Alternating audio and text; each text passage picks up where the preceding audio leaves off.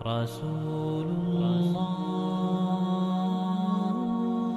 رسول الله طال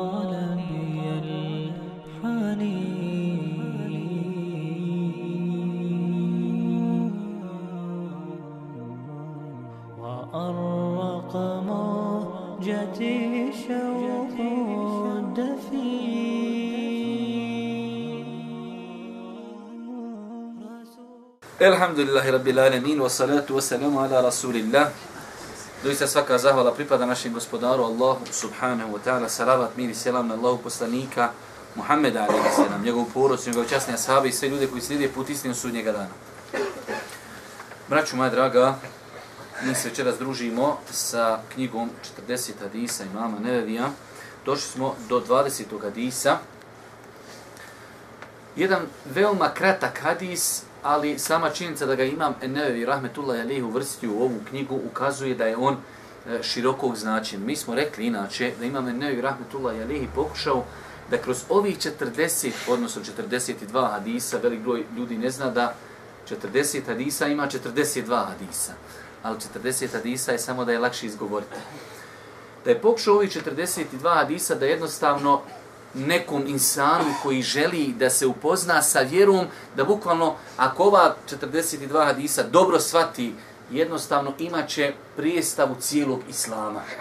Pa svaki ovaj hadis, znači, on obrađuje jedno veliko poglavlje. Večerašnji hadis je hadis koji bilježi imam Buharija, da Allah poslanik ali se wasalam kaže inne mimma edrake nasu min kelamin nubuvati ula idha lem testahi fasne ma še'te. ono što su ljudi zatekli od prvog poslanstva jesu riječi ako se ne stidiš, radi šta hoćeš. Allah poslanik ali se letu selam izrekao ovaj hadis govorići o stidu. Kaže Allah poslanik od prijašnjih poslanika svi poslanici su znači pozivali stidu. Pa od prijašnjih poslanika i prvog poslanstva pa sve do nas proteži se jedna teza. Ako ne, ako se ne stidiš, radi šta hoćeš. Normalno ovaj hadis se može pogrešno razumijeti. On u smislu, pa dobro, ako mene nije stid, to znači ja mogu raditi šta god hoću. Ne. Ako se ti ne budeš stidio, ti ćeš onda raditi svašta. Tako se ispravno svata hadisa. Ne da čovjek svati, poslanik je rekao, ako se ne stidiš, radi šta hoćeš. Znači, eh, ja se lamla ne stidim i mogu raditi šta hoću. Ne. Hadis je, ako se ne budeš stidio, onda ćeš ti uraditi mnogo toga što nije dobro. Prije nego počnemo govoriti o prenosiocu hadisa, kako smo uvijek navikli, e, želim da samo spomenem nekoliko stvari u uvodnom dijelu, a to je prva stvar kada je u pitanju stid. Stid u islamu ima jedno veliko, veliko mjesto do te mjere da je Boži poslanik rekao u vjerodostojnom hadisu, svaka vjera ima jedno svojstvo koje obilježaje tu vjeru. Allah kaže, Boži poslanik, inna li kulli dinin huluqa, svaka vjera ima jedno svojstvo, jedan, znači, jednu moralnu osobinu koja je najviše krasi. To svojstvo islamu je stid. Znači, pa je stid na jednom visokom nivou islamu. E sad, zašto mi na kraju krajeva večera smo se okupili, zašto citiram ove hadise? Iz razloga da pokušamo da ojačamo kod sebe to svojstvo. Samim tim mi tvrdimo da se stid može jačati. Pa su islamski učenjaci kad su pisali o stidu i govorili o stidu opet na osnovu argumenata, konstatirali da imaju dvije vrste stida. Ima urođeni stid. I vi znate, vjerujem da uvijek je bilo ono u školi neko, kaže on je stid, šta god mu rekneš, što bi Sanđaklije braća rekli, sramežljiv. Znači uvijek jednostavno urođeno stidan. Taj urođeni stid se može potrošiti.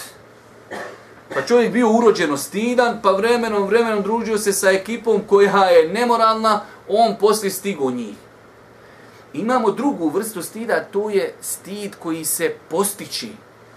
Čovjek, ne daj Bože, i vidjeli ste i dosta se puta desi čovjek da je bio, ne daj Bože, daleko od vjeri, nemoralan, e, nema šta nije radio. I onda se vrati vjeri, druženi sa Kur'anom, druženi sa sunnetom, lagano, lagano, odgoj, odgoj, odgoj, i čovjek postane jedan od najstidnijih ljudi. Pogotovo je to izraženo gdje? Kod žena. Imate žena koje možda prije nego što se vrate vjeri, može u kafanu, može pjevat, može nosat čaše, može hodat, može nosit svašta, svašta.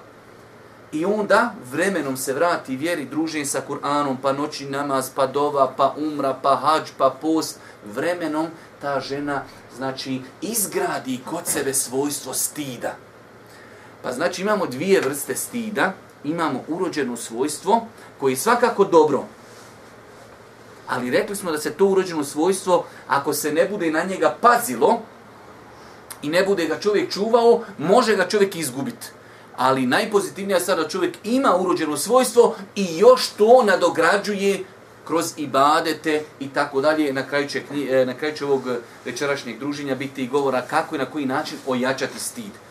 I imamo drugu e, način, odnosno drugo pitanje, to je ako je već neko primijetio da nema to svojstvo, ima mogućnost da se to svojstvo vremenom izgradi.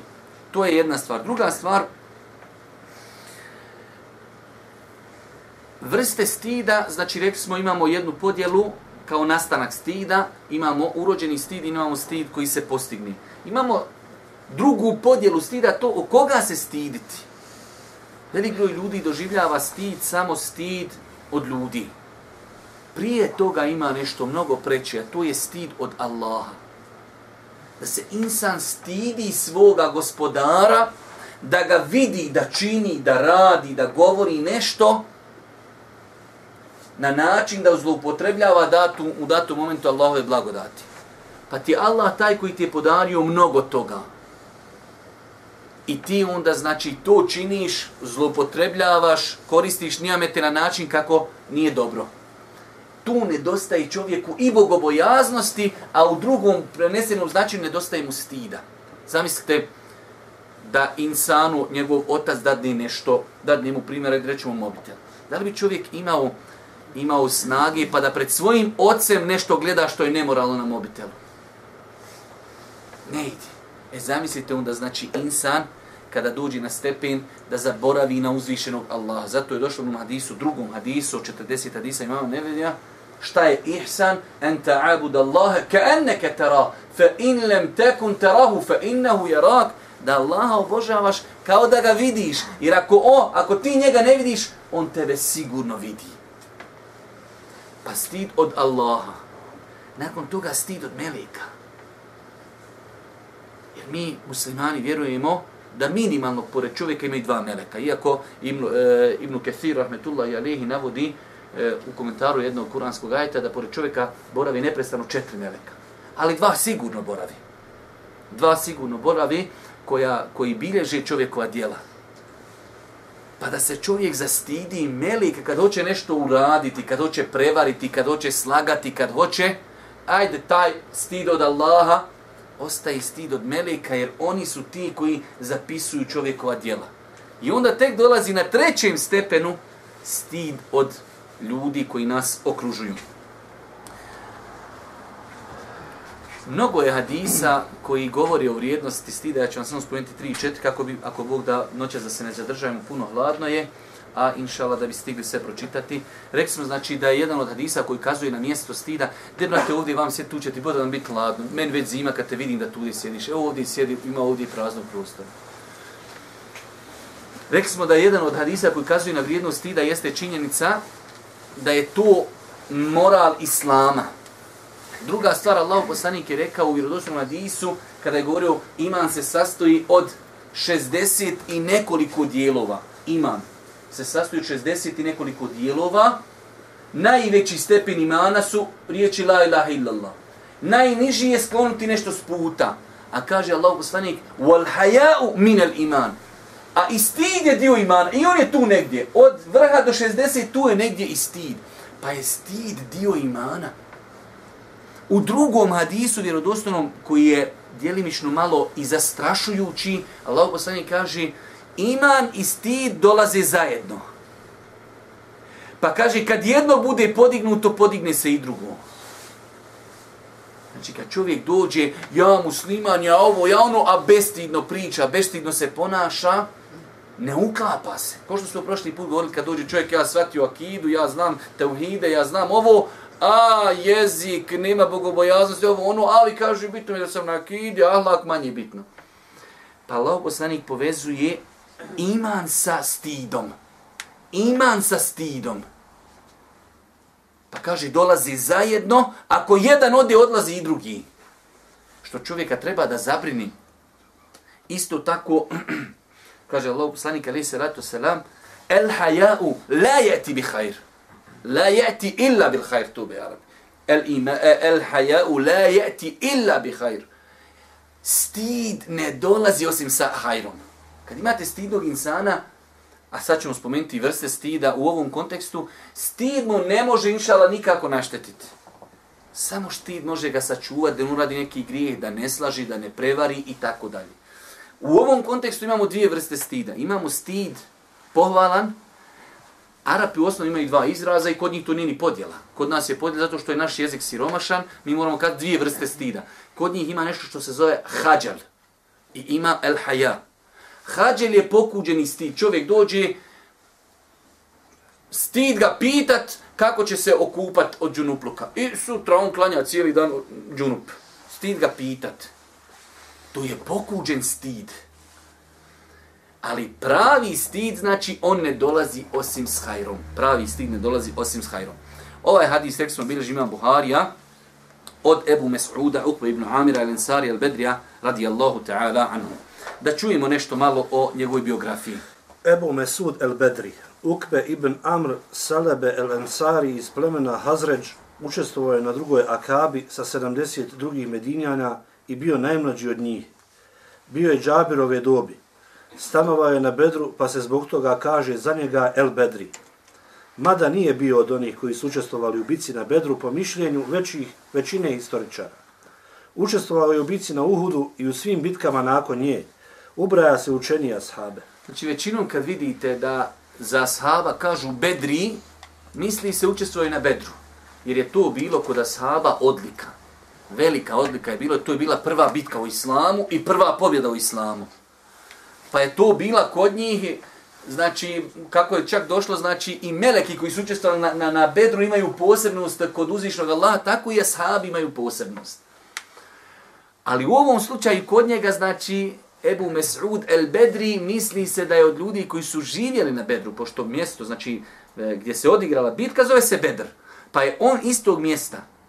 Iako u većinu znači slučajeva Ashabima kad se kaže Bedri, misli se bio je na Bedru, u bitci na Bedru, ali kod njega to nije slučaj. On je bio u bitci na Uhudu i svim ostalim bitkama, ali ima znači u svom imenu e, znači pripisuje se Bedru zato što je iz tog mjesta živio i tu. I Arap inače imate znači e, dosta puta kroz historiju uvijek ćete vidjeti Dimeški, taj, taj, ali Dimeški zato što je iz Dimeška. Medeni, Meki, Šami, Masri i tako dalje. Znači oni u svojim imenima dosta puta imaju pripisivanje nekom podneblju. Iraki, Meusili i tako dalje. Znači e, dosta puta se pripisuju gradovima iz kojih dolazi. Dobro? Bešir ibn Amr pripovijeda. Rekli smo Ebu Mesudu, posavjetuju nas, posavjetuju nas, oporuči nam nešto. Rekao je, na vama je da se držite džemata, jer Allah neće narod sastaviti na zablud. Držite se džemata kako bi rahat, bi, rahat bio, bio dobri i kako bi se razrahati od loše.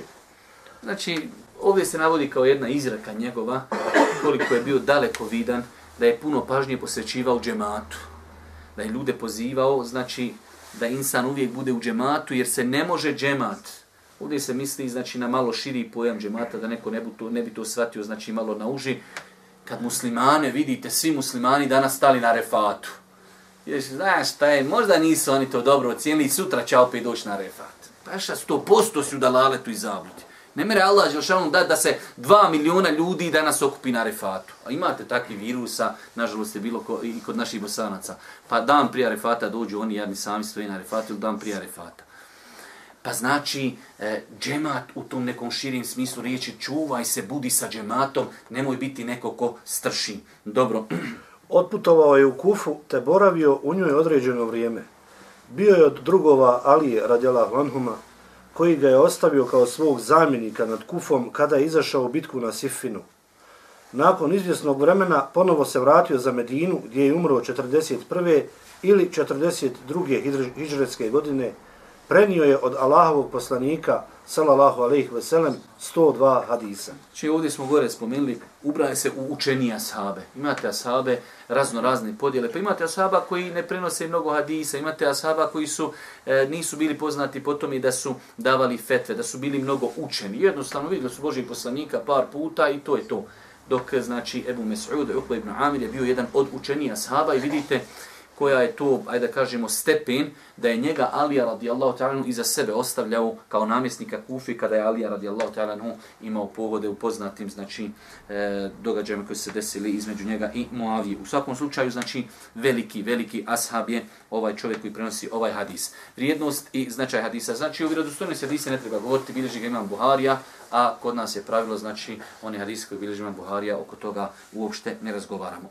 Vrijednost i značaj hadisa. Ibnul Atar, rahimehullahu ta'ala, rekao je, ovaj hadis je velika osnova za onog koji bude razmišljao o njegovom značenju i radio po njemu.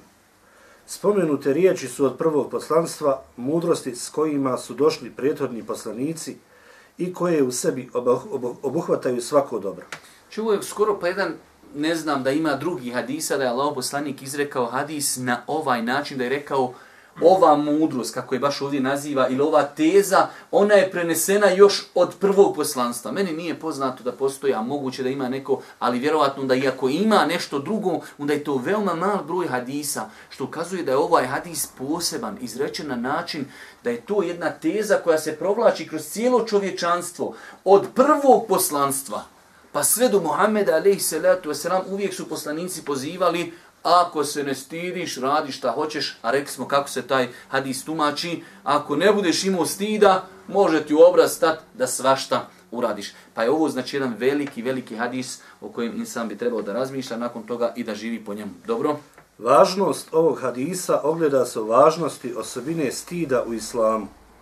A stid u islamu je od imana i ne dolazi osim s dobrim, postiče na svaku pohvalnu osobinu i odvraća od svake loše osobine. Od morala je Allahovi poslanika i vjerovjesnika, a naročito najodebranijeg poslanika Muhammeda sallallahu alaihi ve sellem, koji je bio stidljivi, stidljiviji od djevice u svojoj odaji. Kao što je također stid i osobina plemenitih meleka o kojoj govori hadis Allahovog poslanika sallallahu alaihi ve sellem, zar da se ne stidim čovjeka kojeg se stide meleki. Znači, Boži poslanik, kada je ušao Osman od Jallahu anhu, sjedio je pa su mu bila malo otkrivena stegna, pa je pokrio svoja stegna i stida prema Osmanu. Dobro, to je svojstvo da ima Boži poslanik svojstvo stida. Ali kaže, kako da se ne stidim čovjeka kojeg se stide meleki. Pa nam je ovdje Boži poslanik potvrdio da, da i meleki imaju svojstvo stida. Znači, konstatirali smo da imaju asha, poslanicu, pozivali uvijek u tu osobinu, poslanici se okitili tom, e, tim svojstvom. Boži poslanik je e, u više hadisa opisan na način e, kako to Arapi opisuju. Znači, kod nas to i nije nešto poznato, ali kod njih kad hoćeš nekom i reći da je stidan, kaže stidan kao djevica koja se još nije udala. Kod njih u to vrijeme, za vrijeme Božih poslanika, to je bio pojam stida. Žena koja se još nije udala, većinu vremena provodila je u kući, nije izlazila mnogo. I stida. Pa kad hoće da kažu neko stidan, stidan kao djevica, žena koja je u kući iz stida. Znači, pa Allah poslanik u više hadisa je opisan tim opisom, čak su znali govoriti, e, znali smo po, po znači, ajde da kažemo, pojavama njegovog lica kada se zastidi od nečega. Pa je Allah poslanik ali se letu bio izrazito stidan. Imam nebe vi? Odnosno poziv u osobinu stida. Poziv u osobinu stida i njenog pridržavanja u stvari predstavlja poziv u ostavljanje svakog grijeha i zla. Braćo moja draga, generalno gledajući, mi živimo u jednom vremenu definitivno, definitivno, kada se na razno razne načine, a najviše putem medija, putem televizije, putem serija, putem filmova, putem časopisa, putem slika i tako dalje, zaista, zaista ne znam da je u istoriji bilo vrijeme kada se stid toliko izgubio ku današnjem vremenu. Znači, pogledajte samo mnoge stvari, ali evo, najneka, najneka, iako to nije jedini pokazatelj, ali vi pogledajte e, procentualno koliko žene, primjera radi, koliko žene procentualno nosi hijab. Nije hijab jedini pokazatelj islama, o tome smo mi puno puta govorili, ali je definitivno farz. I definitivno, definitivno je pokazatelj da u datom momentu ta žena koja je tako spremna da iziđe, nedostaju tu svojstva stida definitivno. 100%. Pa ćete vidjeti ljudi, bez da mu neko traži, bez da mu neko išči, vidjet ćete čovjek skoro pa svakodnevno, u, žena se uslikala na moru, nema odjeće, hajde evo, bio si na moru, između tebe i Allaha to što si bio. Ne, nije to dovoljno. Idem se uslikat, idem staviti javno na profil pa ne gleda ko hoće. Znači, to stid, iako ga ima, aha, stora, tana, ko, providno, ko lizalo, ko nešto, ko najlon. E, tanko skroz. Tanko skroz, znači, e, tako da kažem, živimo u vremenu e, na razno razne načine. Ja se sjećam, ja sam to navodio više puta. Pazite, to se desilo u jednom kratkom historijskom periodu. Ja kao djeta, ja nemam puno godina, tako mi Allah, sjećam se slučajeva kad su ljudi prija u Jugoslaviji, gledaš neku seriju, pa to u, u, u, u 15 dana jednom se neko s nekim poljubi, jel to, to je onaj poljubac seoski čoveče. Tu su ljudi se okretali, ovako su za ljudi od televizije se okretali. Danas paša čovjek, žena, djeca sjedi, to, to su e, scene, to su glumice, to su to da Allah Celešanu začuva. Ništa, ljudi gledaju kuda, gledaju kako se kuruzi beru. Ništa. Umro sti, djete sjedi pored babi. Ništa. Babo pored djeteta, žena pored muža, muž pored žene. Led, ledenca, on ledenca, ona ledenca. Dvi ledence stoji. Ubijen stid normalno neko radi strateški na tim stvarima. Vi ćete sad pogledajte, ja sam o tom isto više puta govorio. Birvaktile, najbrezobrazniji crtan je bio ninja kornjača, nema u njima ništa, razumiješ? Sad crtići, to ti je sve. Haj nađi crtiš da u njemu žensko i da da mu nije otkriven pupak, da to nisu neke da to nisu neke suknjice, neću da još da pokazivam druge stvari, ali sve su to neke djevojčice, ali je to sve razgoličeno do bola. I tako dijete odrasta. Da tu dijete odrasta i da tamo nonutat na crtiću e, Fatima i Hasne idu u džamiju pod mahramom, pod Šanijom, sela neka Hasne, ali u selom, Jesse. Sutra bi to dijete išlo u džamiju, tamo bi selam alik Hasne, go, ne na to, selam alik, to je čao, baj, baj, sve crtića naučilo čoveče.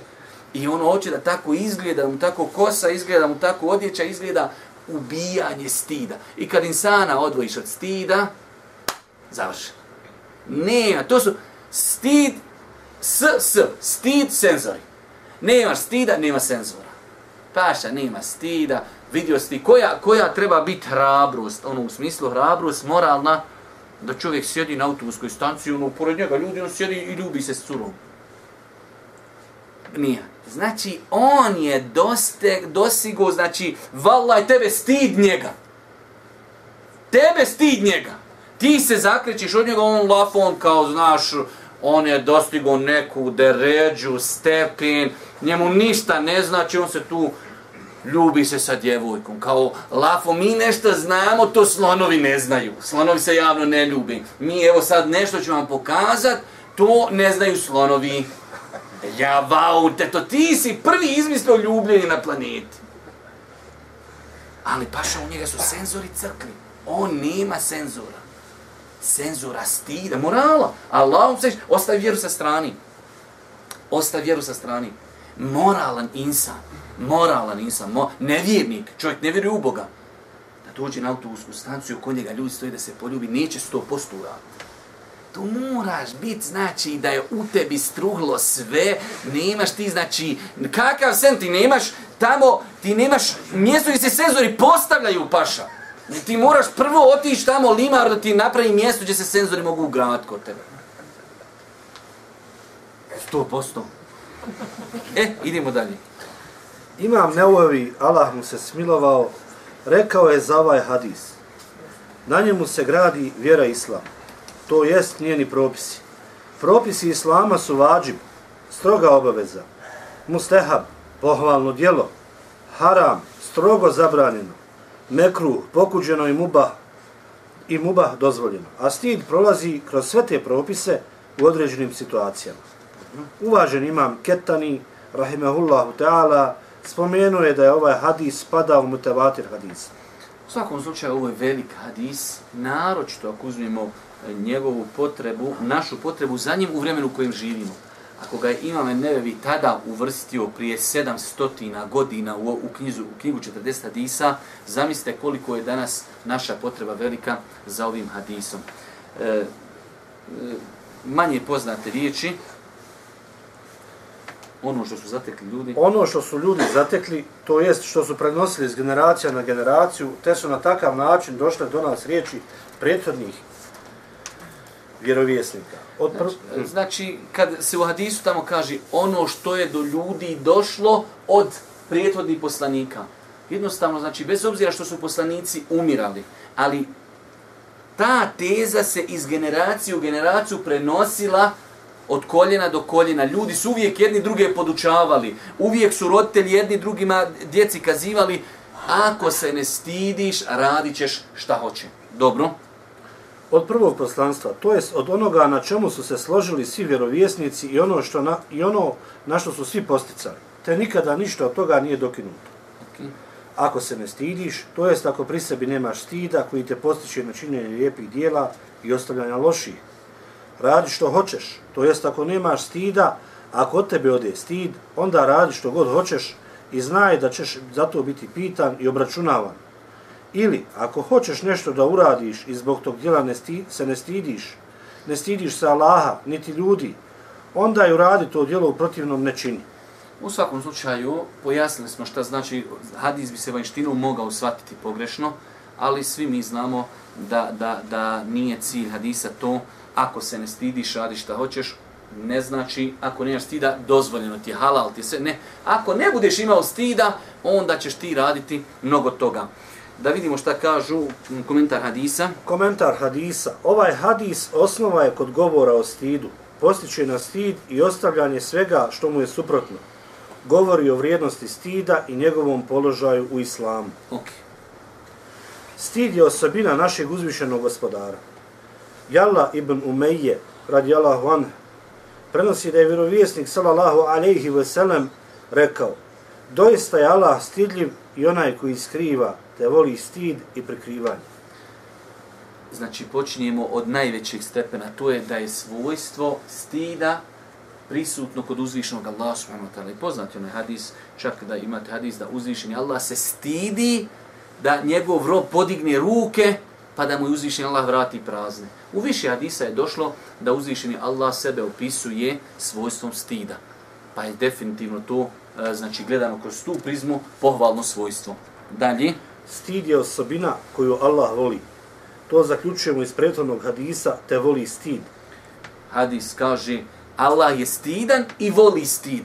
Pa iz toga proizilazi dvije koristi, da čovjek treba da se pokuša odgojiti na stidu, jer je to svojstvo uzvišnog Allaha, a iz druge strane Allah voli stid, pa je to dodatna satisfakcija da se insan trudi da bude stidan. Stid je pokazatelj imana. Ebu Hureyre, radijalahu han, prenosi da je Allahu poslanik, sallallahu alaihi ve sellem, rekao, i stid je dio imana. To je onaj hadis koji smo citirali, da je Allah poslanik rekao stid se sačinjava od 60 i nekoliko ogranaka, a na kraju je rekao i stid je dio imana. Dobro. Stid je ukras vjernika. Enes ibn Malik radijalahu anh prenosi da je vjerovjesnik sallallahu alaihi ve sellem rekao Neće se prostakluk naći ni u jednoj stvari, a da je samo, da je samo neće još ružnijom učiniti. I neće se stid naći pri jednoj stvari, a da je neće uljepšati. Znači imamo dvije, dvije suprotnosti. Imamo stid, imamo, evo kako su to oni definisali, a to je prostakluk pa prostakluk gdje god se nađe uvijek tu stvar u nakazi. A s druge strane gdje god se stid nađe uljepša tu stvar. I zaista pogledajte praktično kada vidite, znači bez obzira bilo to dijete, bilo to djevojka, bio omladinac, bio stari insan, bio ugledan, bio manje ugledan, ali ako insan ima pri sebi stid u njegovim postupcima, u njegovom govoru, u njegovom ponašanju, sve su te stvari, hajde da kažemo, uljepšane zbog njegovog stida. Stid je ahlak islama. -hmm. Enes ibn Malik radijallahu an prenosi da je vjerovjesnik sallallahu alejhi ve sellem rekao doista svaka vjera ima svoj ahlak a ahlak islama je stid rekli smo šta to znači, šta su rekli Šta su naši prethodnici rekli o stidu? Selman, Omer- Selman radijallahu anhu. Aha, Selman radijallahu anhu rekao je kada uzvišeni Allah želi nekom robu propast, istrgne iz njega stid. Pa kad ostrani od njega stid, neće ga dočekati na sudnjem danu, a da neće biti srdit na njega. I zaista pogledajte. Jedna od prvih stepenica propasti čovjeku jeste stid. Kad čovjek razbije to staklo stida, kad te senzore puknu, gotovo. Onda može sve, sve dalje ide. I razgoličenost, i nemoral, i droga, i prevara, i laž, gotovo. Zato što nema onog stakla stida. Sve dok ima stid, to je neki, neki vid zaštite između tebe i ljudi. Stid. Nije dobro. Šta kod... Kad to razbiješ, paša, završena stvar. Sve ti može stati u obraz.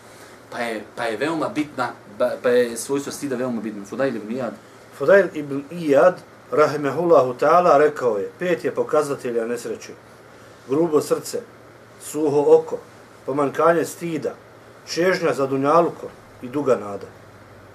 Jasno ko dan, dobro. Kako izgraditi osobinu stida kod sebe?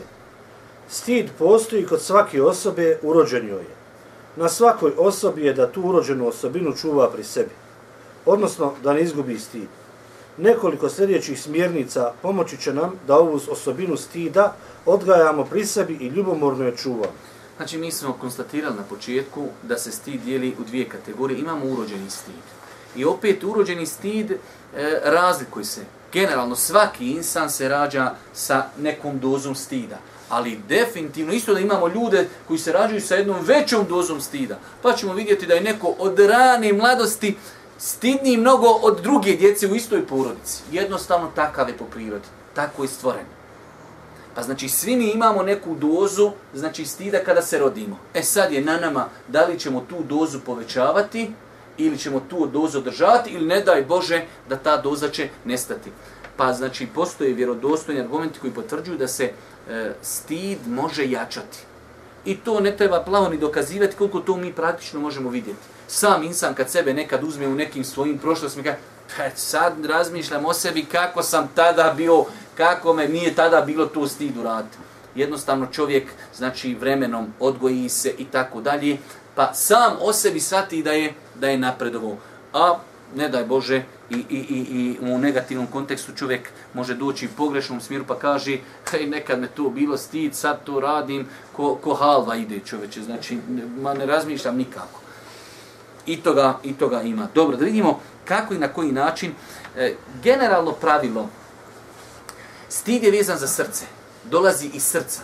Nije stid nešto što on se manifestuje tjelesno. Ko takvaluk. Boži poslanik kaže, e tako, aha, huna, ovdje je bogobojaznost. Ali se manifestuje takvaluk da oboriš pogled, da čuvaš ruke. Tako i stid. Njegovo mjesto je iz srca dolazi. Ako tu konstataciju ispravno shvatimo, onda smo shvatili mnogo toga da treba liječiti srce.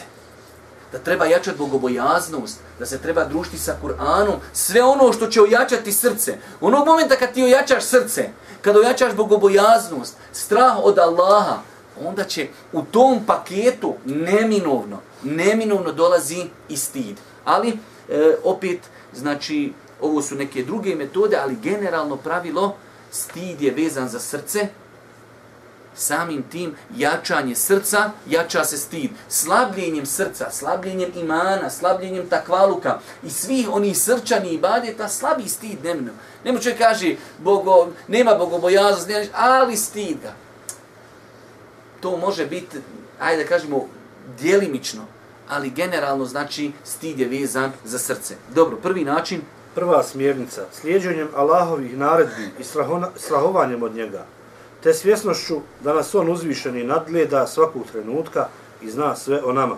Znači, slijedženje Allahovi naredbi, ono, to je, može se povezati s onim što smo govorili, da se čovjek stidi na kraju krajeva da uradim nešto loše, što mi je zabranio moj gospodar, da se stidim da me on vidi u tome, što činim nešto što je zabranjeno. S druge strane, jačanje svijesti u Allahu. Kad čovjek spozna da ga Allah neprestano vidi, neprestano čuje, meleki zapisuju njegova djela, to je praktični stid. Ne mora znaći da je stid čovjek, evo rećemo primjer, radi kod nas se nekad manifestuje stid, mi smo malo bijeli ljudi, pa čovjek malo pocrveni i tamo da... Nije to pokazatelj, pokazatelj, pravi pokazatelj stida je da čovjek strahuje od Allaha. Pa znači jačanje svijesti u Allahu, da spoznamo ko je naš gospodar, njegova veličina, njegova uzvišenost, njegova imena, njegova svojstva, to neminovno, neminovno nosi sa sobom jačanje stida. Dobro. Po dva, slijedženjem sunneta Allahovog poslanika sallallahu alaihi ve sellem i povođenjem za njim riječima i djelima. Sliđenje poslanika. Allahu poslanika dosta puta kada ga opisuju ashabi, njegove supruge, kaže nije bio Allahu poslanik bestidan. Tako da ne možeš u sunnetu naći ništa loše.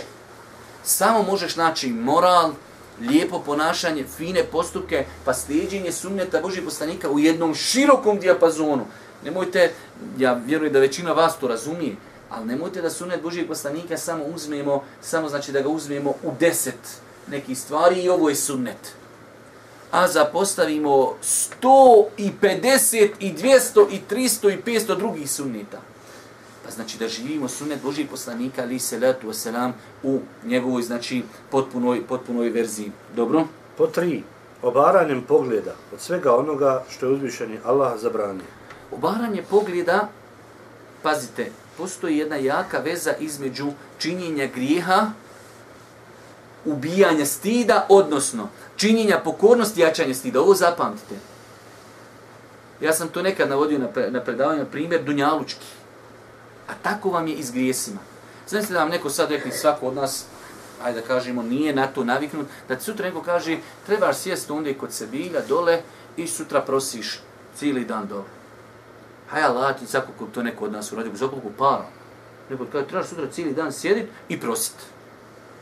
Paša, nema teorije da bi to iko uradio, osim zaista nužno. Dobro, mm, platili su on tebi jedan dan. Drugi dan to je već lakši.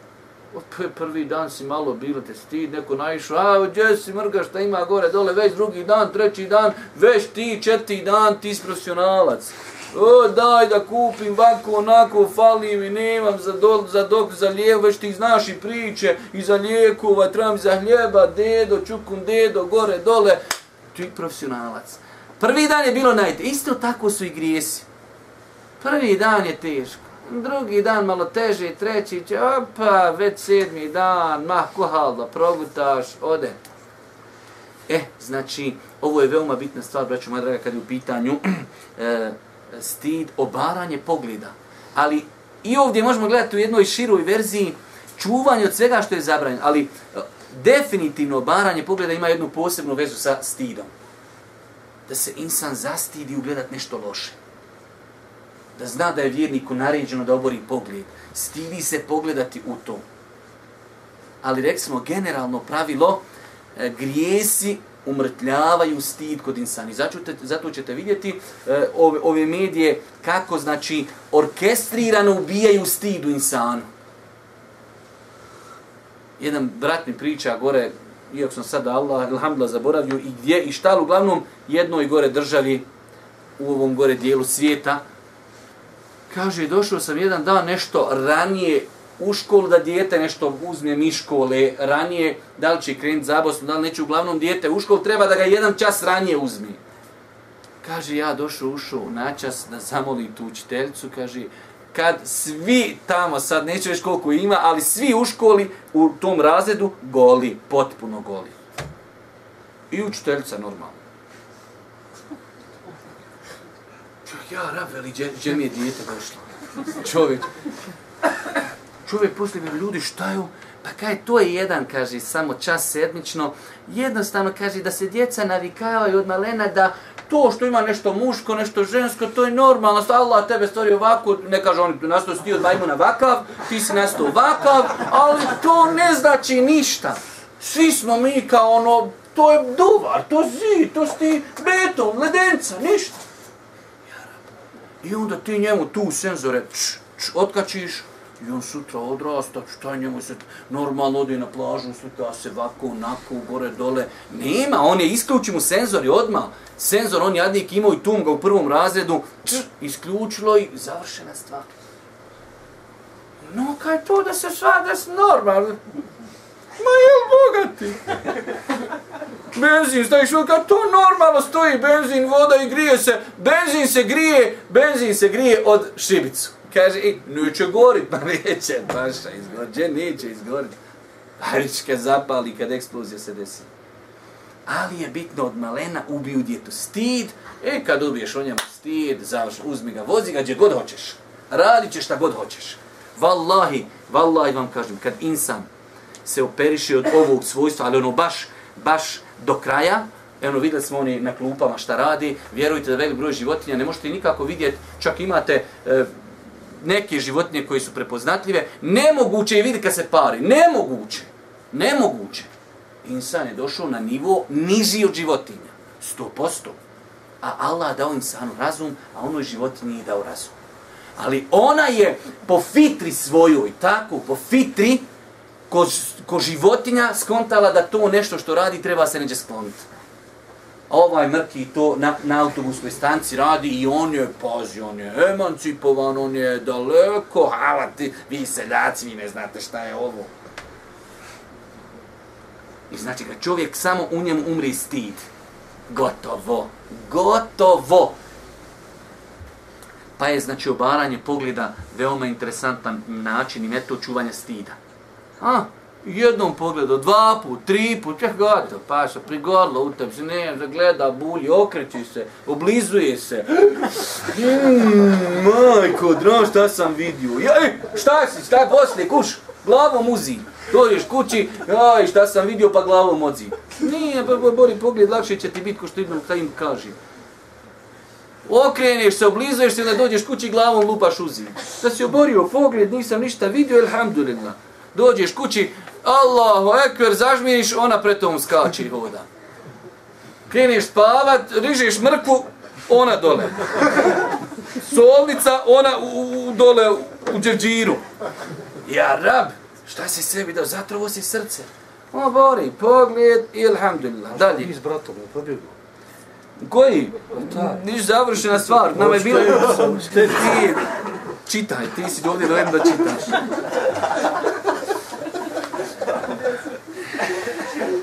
Broj četiri, evo ja ću reći broj, Broj a ti nastav čitati. Nezala, nezalaženjem u tuđe privra, privatnosti, nedostatke, makar Voda će platit večeru. Ja sve vidim da ovo ide u pravcu, da on ide u falafel. Znači, nezalaženjem u tuđe privatnosti, nedostatke i mahane. Dobro, daj nam pit. Druženje sa stidljivim vjernicama. Vjernicima. On ovdje, on ovdje čita verziju, žensku verziju. Da se žene druže sa vjernicama. Ajmo da ostane, moj pa trađe, ovo, ovo je ovaj... Nećem čovjek ti će ti čitat. Kako ću ga sljedeći put? Zaista, zaista čovjek, ja sam o tome opet isto puno puta govorio. Koliko na insana traga ostavlja društvo. Bilo u pitanju muškarac, bilo u pitanju žena insan može doći, znači, aj doćemo iz porodice koja je moralna, lijepa, odgajat su dijete i uđe u loše društvo. I prvi dan se teško mu, treći dan, će peti dan teško mu i završi. Isto tako djevojke. Prvi dan joj teško sa društvom, ajde jednom u kafić, ajmo jednom samo duhan, ajmo jednom momka da imaš, znači društvo.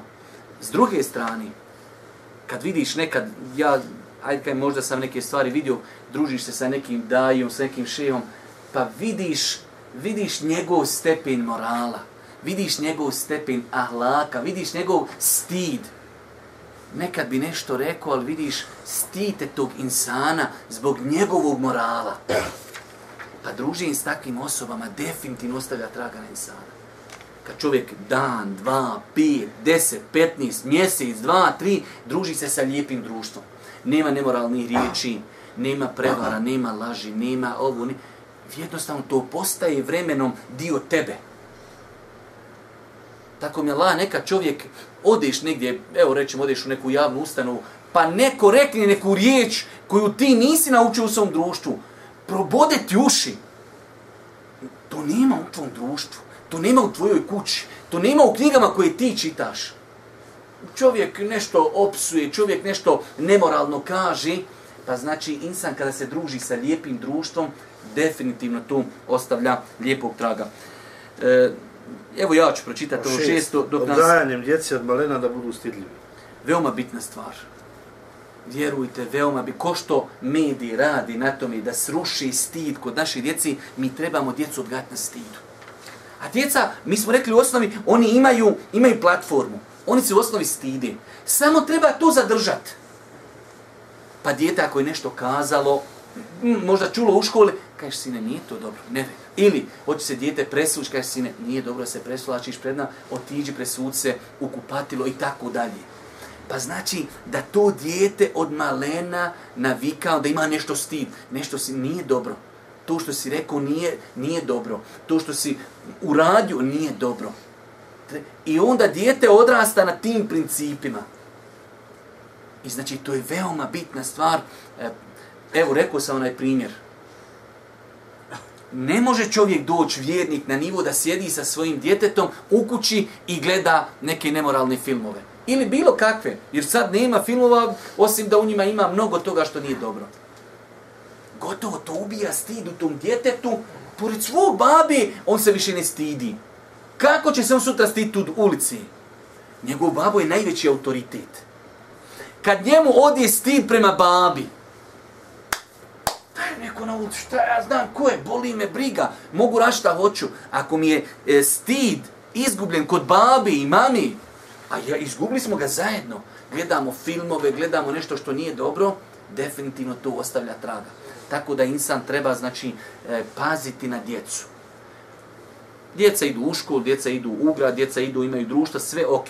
Ali mi svoj dio ne smijemo zakazati. Mi svoj dio ne smijemo zapostaviti, znači da svoju djecu, ako uradi nešto što ne doliči, da im kažemo nije dobro, ako reknu nešto što nije dobro, da ih upozorimo na lijep način. I vjerujte, sa djecom je to veoma lako. Djeca kada odrastaju u kući gdje ne vidi svoje roditelje, ne daj Bože, evo rećemo primjer, preslačenja. Da ne vidi djete nikad svog oca kako se preslači, i samo djete svata da se ono ne treba pred drugima preslačiti. Pa znači stid je e, nešto što treba da se djeca od malena odgajaju na stid. Idemo za kraj da, da pročitamo samo nekoliko koristi. Hajmo od početka. Poruke hadisa. Jest poruke Hadisa. Osobina stida je plemenita osobina koju su kod sebe imali svi vjerovjesnici na koju su svi posticali. Zbog svoje vrijednosti osobina stida bila je u svim poslanstvima, te nikada nije dokinuta i zamijenjena. Ovo je veoma bitno. Znači, bila je kroz historiju, kroz eh, život svih poslanika i nije dokinuto. Zato je rekao Boži poslanik, od prijašnjih naroda do vas je došlo ovo i mi to, Islam to potvrđuje. Do te mjere ne samo da potvrđuje, Islam vezuje stid za iman. Islam čini da je stid dio imana. Islam povezuje iman i stid, pa kaže ako jedno odi, odlazi i drugu.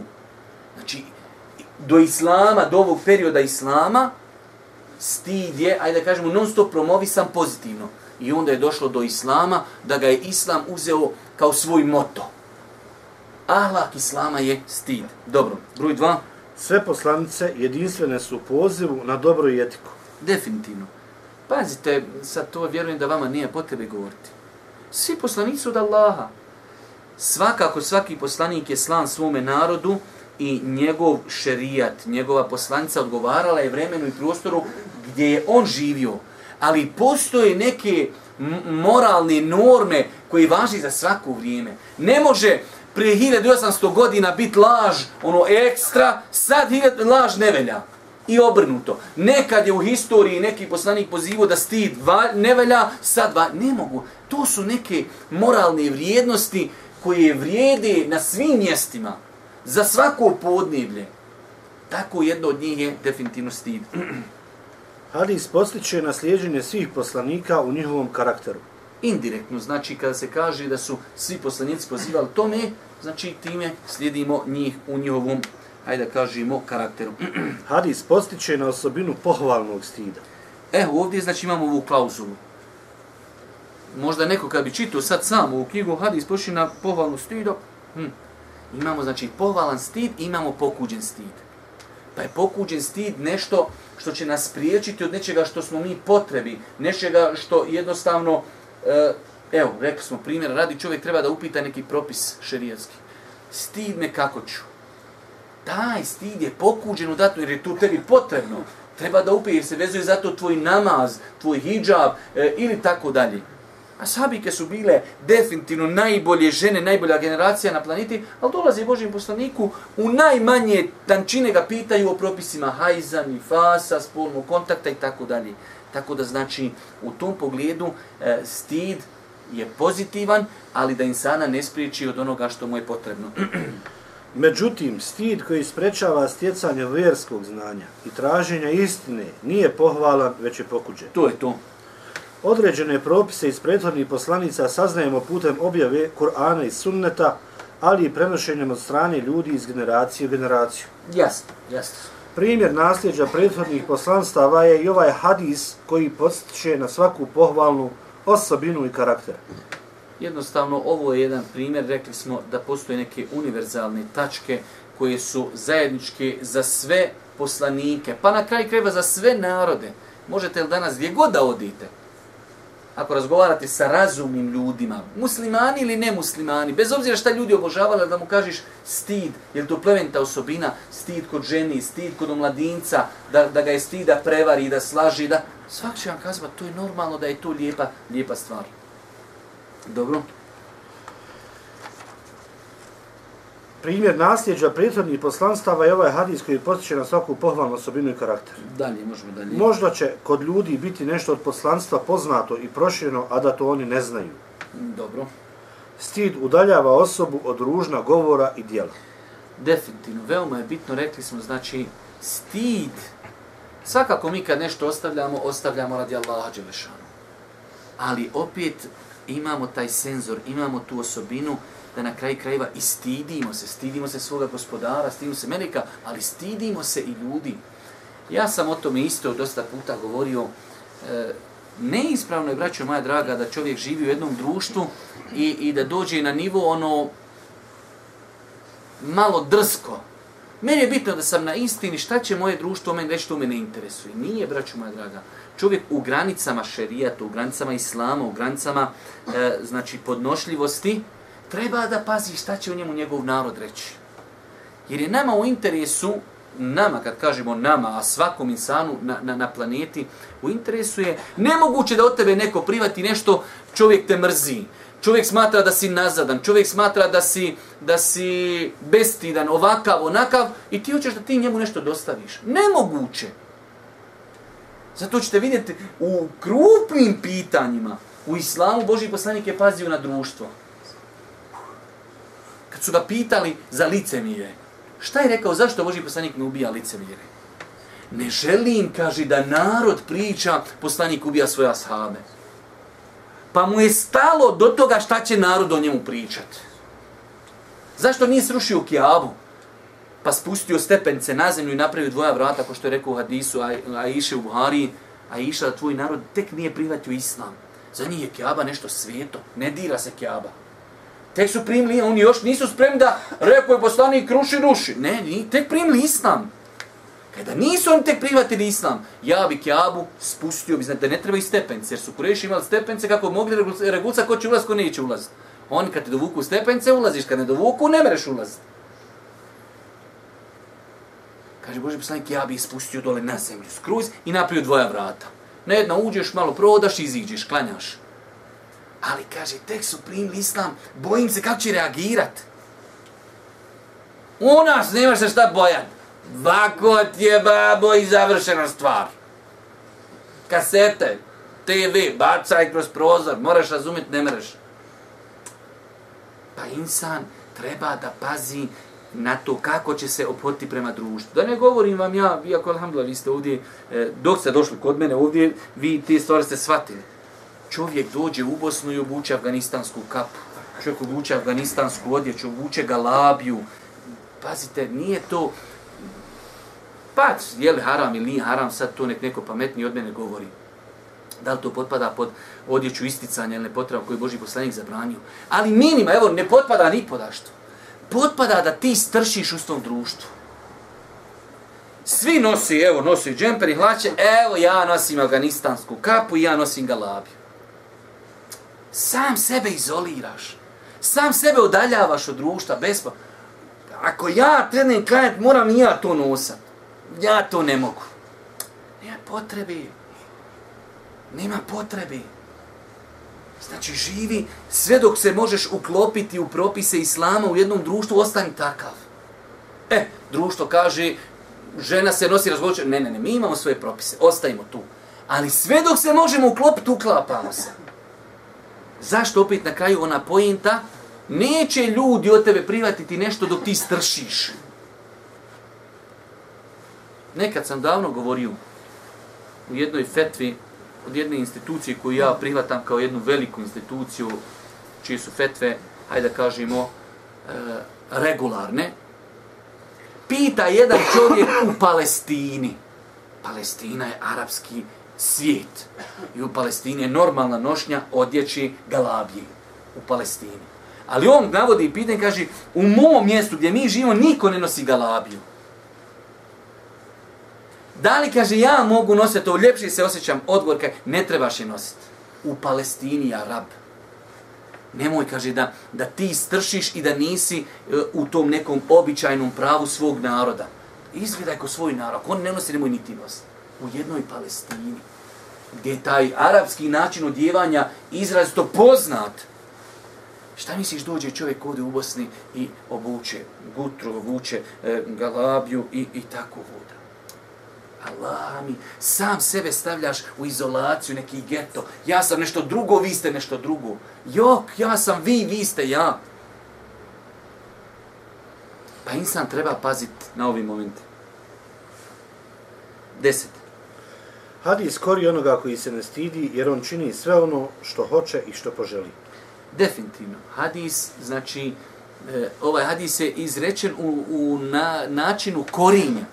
Ako ne budeš se stidio, rađeš sve. Ako radiš sve, svakako da je to onda nije dobro. Pa je to, znači, vid da, da koriš onoga što nemaš stida. Zašto nemaš stid? Jer vidiš da zbog toga što nemaš stid, ti sad činiš šta god hoćeš. Pa je rješenje da čovjek jača svojstvo stida kod sebe. Dobro. Nepostojanje stida dovodi do javnog činjenja grijeha, dok stid postiče osobu na tajnost i skrivanje Allahovim velom. U islamu imate dvije vrste grijeha. Grijehe u osnovi moram početi, grijeh je grijeh, završeno. Ali je teži grijeh, gori grijeh kojeg insan radi javno. Zašto? Zato što na taj način kvari društvo. Primjer radi. Čovjek, ne daj Bože, pije alkohol u svojoj kući. Dođe, natoči alkohol, popije, hm, sutra odspava, iziđe na čaršiju, ne zna niko. Hoće li neko od njega naučiti pijenje alkohola? Ne zna niko, čovjek pije alkohol između njega i njegovog gospodara. Ali kad on sjedni pred kafić i cijeli dan sjedi i lagano ispija, e, naiđe moj dječak ili nečija čirka, naiđu, a vidi ovo, zar ovo može, ja mislim nema, vidi može. Tup, jedan dana se zakalemi, sutra dva, tri, četiri, pet i tako. Pa javno činjenje grijeha, javno činjenje grijeha je na većem stepenu pokuđenosti od samog činjenja grijeha. Ali pa da neko ne sati, jer mi dosta puta samo se nekad konektujemo, pa se ono ufati nas konekcija, pa malo pročepimo. Peć je rekao, ako je javno, to je problem, ako je tajno, more. Ne mere. Ali je ovo gori. Ovo je gori. Znači, rekli smo platforma grijeh je zabran, završena stvar, ne treba filozofija. Ali je gori da ga čovjek čini javno. Zašto? Jer time se to širi u društvu. Time generacije koje to nisu znali. Znate da je, ajde da to ne navodimo kao primjer, mo, može se navesti nešto drugo. Ali velik broj ljudi, možda za određene grije, ne bi znao da mu to se ne, ne servira javno. Da mu se to ne servira javno. Tako da znači, e, zato je došlo da je Allah poslanik alaih se vratu sram posebno, posebno izuzeo javno činjenje grijeha. Svom umetu mom će biti oprošteno, ući će u dženet osim u džahirun, koji javno radi grije. Ma kaže, ljudi uradi grije, prekrive, neznanik, ustani sutra, fali se time. Pa znači insan treba da se pazi, da se pazi javnog činjenja grijeha. Dalje, Gubljenje stida odvodi svakog počinjoca do svakog zla, pa takav ne može očekivati nakon gubljenja stida nikakvo dobro. definitivno. čovjeku kad strada to, nazovimo ga staklo stida, ne može mu doći osim neko zlo. Sve dok između njega i znači Allahovi granica, opođenju prema ljudima, ima taj staklo, imaju senzori stida, inša Allah, on je u velikom hajru. U stidu je svako dobro, pa onaj koji bude imao pri sebi više stida, imaće i više dobra i obratno. Rekao je Boži poslanik Ali se ratu selam, stid ne dolazi osim sa dobrom. Što znači? Što imaš više stida, imaš više dobra. Što imaš manje stida, imaćeš manje dobra i dok ne dođeš na stepen da ćeš imati i zlo. Osobi po vjerovanju ehli sunneta pripada pravo izbora zbog riječi radi šta hoćeš. Za razliku od sekte džehnija koji to negiraju. Mi smo o tome dosta puta govorili, čak smo na zadnjem predavanju govorili da po ispravnom vjerovanju i na kraj krajeva i po racionalnoj razmišljanju čovjek ima pravo izbora. Dovoljno je čovjeka dovesti na raskrsnicu i reći mu, eto ti sad odzaberi gdje ćeš, imaš tamo birtu, imaš vamo džamiju, imaš tamo nešto treći. I čovjek sam ode gdje će. Da li je nekoga od vas neko natjerao večeras da dođe i da li je nekoga večeras neko natjerao da ode u neku diskoteku? I bilo bi na kraju krajeva, a Allah Đelšanu je daleko od bilo kakve zuluma i nepravdi robovima, da ti Allah Đelšanu naredi da ideš, nemaš, ti si robot, ti si morao ići u, diskoteku i na sudnjem dan, e haj sad robe, odgovaraš da si su u diskoteku. Ima li to Allah te logike? Zar se to može pripisati Allahu? Allah te kao stvorio, nemaš ti pravo izabira, Allah te stvorio, ideš, ideš u diskoteku i onda dođe, e robe, što si išao u diskoteku? Allah te stvorio da ne obavljaš namaz. I ti onda kažeš, i na sudnji danu, robe što nisi obavljeno namaz. Pa gospoda, tako sam stvoren i to, ja sam bio robot. Već zato što imamo pravo izbora, zato ćemo i odgovarati. Pa znači, ove riječi iz hadisa, radi šta hoćeš, ono u smislu, opet se vraćamo, insan ima slobodu volje. Ako ne budeš imao stida, imat ćeš mogućnost da radiš šta hoćeš. Ne opravdava se to što ćeš činiti, ali ipak ima doza da ti imaš slobodu volje, ne imaš stida, možeš odlučiti da radiš šta hoćeš. U svakom slučaju, ovo je jedan veliki hadis. E, molim uzvišnog Allah subhanahu wa ta'ala da nas učesti na putu istine, molim ga subhanahu wa ta'ala da budemo milosti na sudnjem danu i da nas učini od onih ljudi koji će se okititi ovim velikim plementim svojstvom stida. Subhanak Allahumma bihamdike, ešhedu in la ilaha illa anta astaghfiruke wa atubu ilaik. Amin.